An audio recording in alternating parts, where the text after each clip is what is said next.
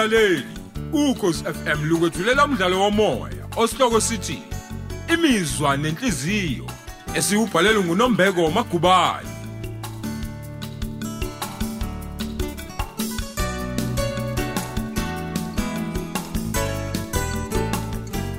Lesi isiqebu sethu samashumi amathathu nantathu.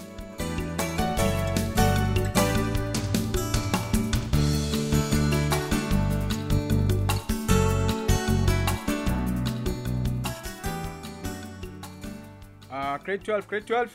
Ah hlalani phansi hlalani phansi settle down. Khona sosheshe siqedwe ukwenza homework. Eh namhlanje ke lalelani soqedela ukubhala iessay esiyiqalela eclassini. Ngakho ke vulani incwadi zenu nibeke phezulu kwama desk. Ngifuna ukubona ukuthi imbhalo yeni ihamba kwemigomo yeessay yini na. Eh beng bengakabhali lutho se. Usho ukuthini awukabhali nomusho wodwa nje vo. Kodwa wena uthi ufuna ukuya enyuvesi ngonyaka ozayo. Eh se bengithi mhlawumbe ngizobhala mase ngifika ekhaya. Kusuke ngene uma isiduli ngisaqala Awu, ukubhala. Welunga, uyabona ukuthi wena wedwa ongaqala ukubhala. Kusobala ukuthi uyimisele ngomsebenzi wesikole. Lalela ke, kuzomela uthathe isinqumo ngekusasa lakho manje. Hey, angifune imfundi mina ozofeyila isifundo sami ngenxa nje yokudembesela ukwenza umsebenzi wakhe wesikole. Sizwana lo. Kodwa se mina be ak- akusimina kuphela ongabhalanga. Unosipho nozweli Hey, bebengabhala. wena mfana kaShezi. Umthetho wakho unekhanda elinjani? eh? Esikhundleni sokwenza umsebenzi wakho, ulibele ukubhekana nabanye abafundi. Lalela ke, uzokwenza umsebenzi wakho manje sezwana. Uhlukana nokuzenza uthisha man. Awu, Hayi i- i- ishele se. Oh, Welunga. Lunga. Thatha amasakana akho la uphumphele la eklasini lami. Ngiyaxolisa Ngoba mina. kusobala ukuthi wena uyimisele ngokufunda. Ungisize kufike nomzali wakho kusasekuseni sezwana. Hawu. Ngaphandle kwalokho ngeke ungene eklasini lami. Hawu ngiyaxolisa se kwenzeka iphuthe. La la. Uza uma sekunjani na ikhanda lakho eh? Ngithe phuma eklasini lami man. Alright hayi ngizohamba phela. Hawu vele wena awungifuni. Hayibo. Hawu. Nayi ngane kanshezi igconekele ekhanda lami bo. Awungifuni vele. Hayi inkosi impela ngiyalunga ngisedlani. Uzofika udembesela ukwenza umsebenzi wesikole. Bese ukhombisa ukweyisa nokudelela kumina. Kanti yini inkinga yakho nalunge? Yini inkinga yakho? Oh. Kukishwa mina kuphela ngedwa nje. Ingani bakhona nje nabantu abangawenzi umsebenzi. Eh bafundi. Yes sir. Lalelani la. Ngineminyaka ngamashumi amabili ngaqala mina ukufundisa. Kodwa ngikaze ngidelele umfundi ngisho nangelodwa ilanga njengalendlela engidelelwa ngayo ulunga. Hey, yabona mfana kaShezi, ikhanda lakhe alithathi kahle. Uyedelela. Uyedelela lo mfana. Cha kodwa nawe soyathanda ukunginaka. hayi kodwa nawe awulunga Ya uyathanda ukunaka. Welunga, welunga. Lunga, sekwenele. Phuma eklasini lami. Vele kahle sengiphumile. Hawu.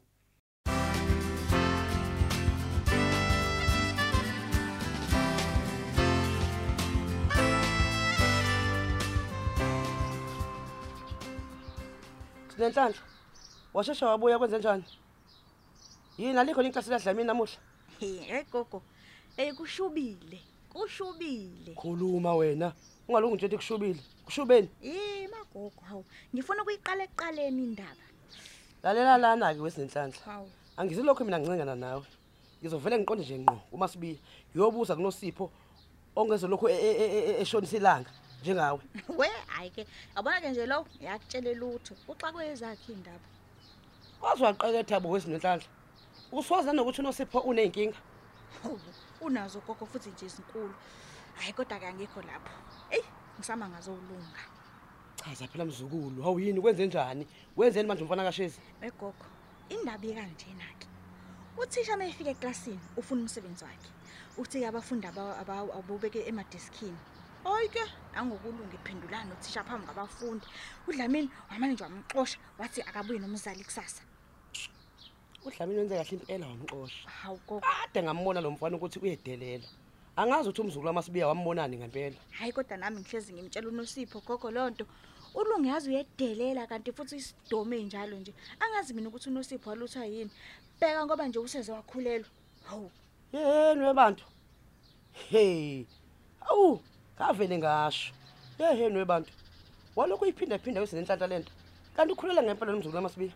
hawu ngathi ngiyitshela umnikazi wendaba lento ngoba phela ngitshela uyena nosipho uyazi wegogo ngivele ngajabha nje uma ngicanga ukuthi unosipho uzoyeka isikole ehlanipheka nje He.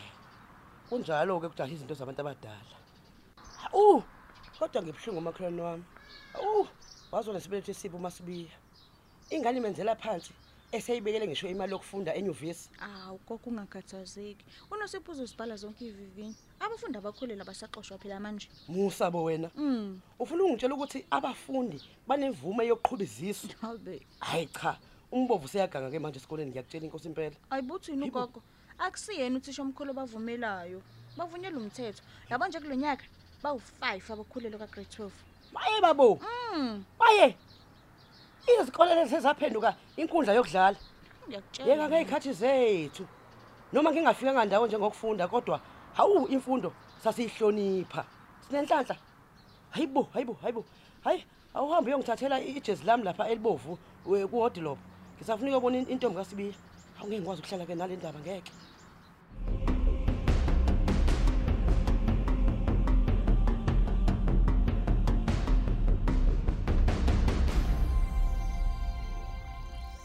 Hey, wazongicasula umfana kaShesu emadoda.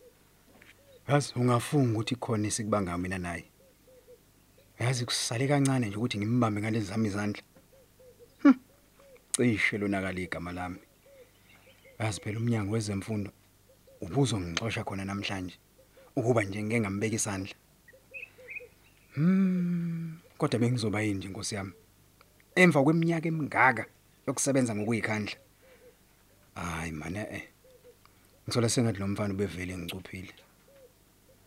Kungenzeka yini ukuthi unosipho khona amtshele kona? Kwazise phela bekuyiso kwalakhe. Hm, kodwa naye unosipho. Ungishintshele nje emva nje. Angimqondi neze. Nokho ngiyathemba ukuthi akazisange nje ayithi vu. Hayi ngoba uyobe ungifaka emlilweni. Hm, yazi the more ngicabanga le ndaba the more ngiphathwa yikhanda. Lapho ngizuvalo ngithi nje he Mm. awuthi ngithatha isibindi ngalokho kubabayo hlezi ngizoba ngcono.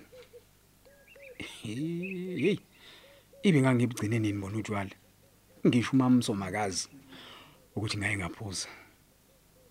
Cha ngizoshaya nje kancane ngeke ngithathe ngamawali angifuni phela ukudakwa ngibe impuphu ngoba phela kumele kusasa ngiyobhekana nalomfana kaShezi athi ngithi ukuthi nje ummototho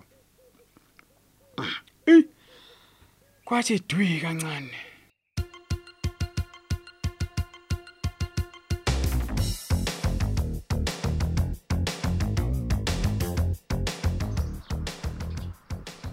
Konkonto mkasibiya hawu mantombela wafika seleyoyilahla kunina kwenze njani makhelwane? Cha ntombi kasibiya ngithi nje ake ngivele ngizokhuza umhlola ngesehlo sekuvelele.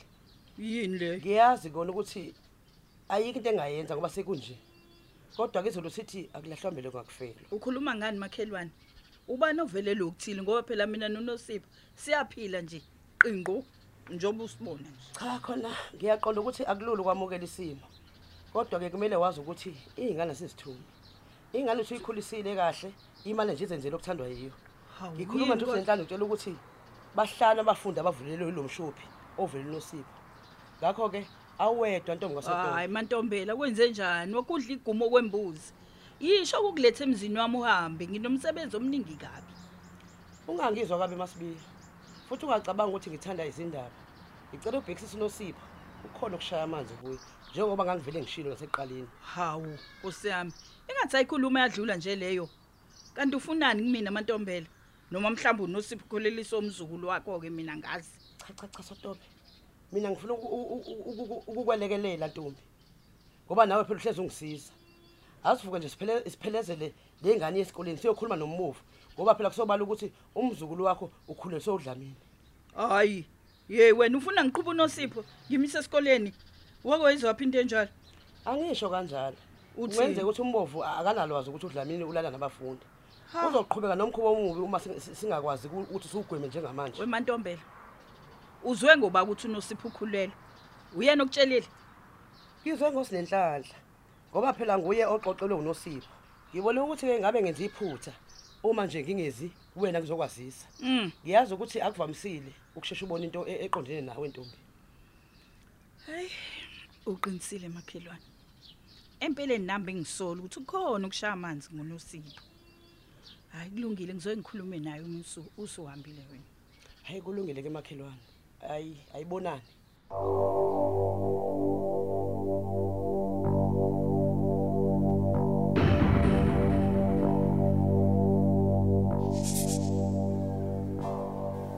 Eh ngaze ngayifaka inkingi ngoxoxa nodlamini. Angiyiphathi kasigananda uma nje ezwa nje ukuthi mina bengiqhubisana nothisha uzomina canga ukuthi kade ngayiqala lento kodwa ngizosenza njani inkinga eningi kangaka? Unosipho ngapho ngitshela ukuthi ukukhuliswe yimi udlamini ufuna umsebenzi wakhe esikole ngodli uqede lapho ngikhipha ngesango. Angiyiphathi kaMantulo uthanda ukungibukisisa nabantu nje leya impela nje ayikho into esengiyiphilela ngoba kwabona labafundi lapho bengibiza ngesidomu nawe lengane le kuthi izozalwa. Shuthi phela izobe isidomu njengami. Ingani vele nonosipho ngitshela mihla namalanga nje ukuthi wenze iphuthu ukungiqoma. Hayi kuningi kuhlangahlangene ngempilo yami. Phoyi nje engisayiphile ngoba kwamngani wami lo uzwile akasenginambethisisi nje. Soloko wavela indaba ukuthi mina ngikhulisa unosipho. Angisayiphathi kuyasekhanga ukudla kwenduku mihla namalanga. Ay akukhathalele ngisho ngizama nkosami ukuyiqoqa.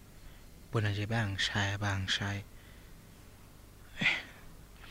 awuthi ngithathe ipeni nephepha ngibhalele incwadi yami yokugcina. Ngizoyifaka khona la esikhwameni sezincwadi zesikole basheshe bayithole.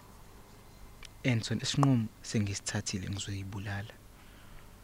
Phela kuyacaca ukuthi ukufa ekona phela okuzongikhipha enkingeni engibhekane nazo.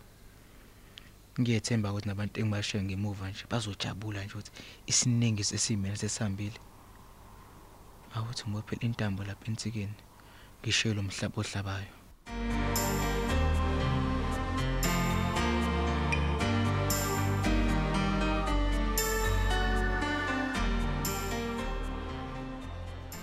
Hawuzeli, umshiye ephulunga.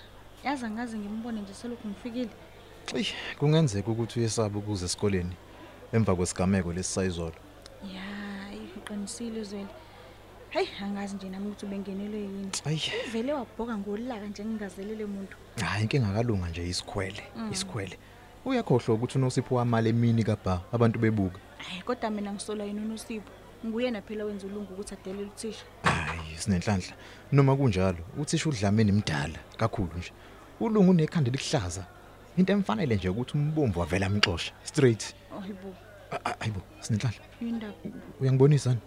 Yini? Ubandoza nganeno sengathi usheze. Uthi ngibona. Buka nangangeza. Hayibo. Uyena ngempela ubaba kalunga. Hayi wena. Hey, Nangu hey. nogogo kaNosipho. Hey, Hamba hey. nogogo. Hayi. Oh, hayi saqala inkinga exopo hayi. Ngiyozwakala. Hayi ngiyakutshela.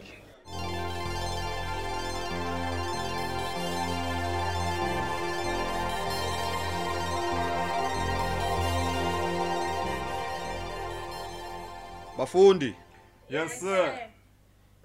ngicela nilalele ngoba kunezindaba ezibhlungu enginiphathele zona. Ngaphambi kokuthi ngiqhubeke, ngifisa ukusho ukuthi kunabafundi abangayiphethe kahle la esikoleni. Labafundi bavumela imizwa ilawula indlela abacabanga ngayo. Yibo labafundi abalwa nothisha isidingo singekho. Ngifisa ukugcizelela ukuthi isikole ngeke sikwamukele ukuyiphatha kwalabo bafundi. Niyangizwa? Yes sir. Okwesibili Siyaqaphela singabaphathi besikole nothisha ukuthi inani labafundi abakhulelwayo likhula ngesivinini esesabeka kulesikole. Ngiyazi ukuthi uhulumeni wathi abafundi abakhulelwa bese izikoleni abasaxoshwa. Kodwa ngifuna ukunitshela ukuthi akusinto enhle ukukhulelwa umfundi ukukhulelwa kwabafundi. Ningizwa kahle? Sengigcina ke bafundi. Kade ngivakashelwa abazali emzuzwini embali edlule. Bonke bebengiphathela indaba ezibhlungu. Bafundi.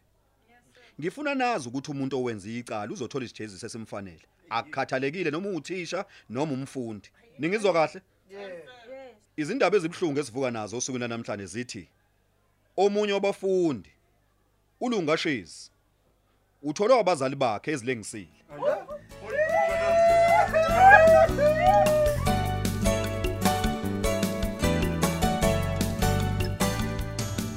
Sesifike emaphethelweni omdlalo wethu osihloko sithi imizwa nenhliziyo esiyubhalelwe uNombeko Magubane. Abalingisi bekuyilaba. uDalsi Msomi benguMasibiya, uNosipho Ngcobo kunguNosipho.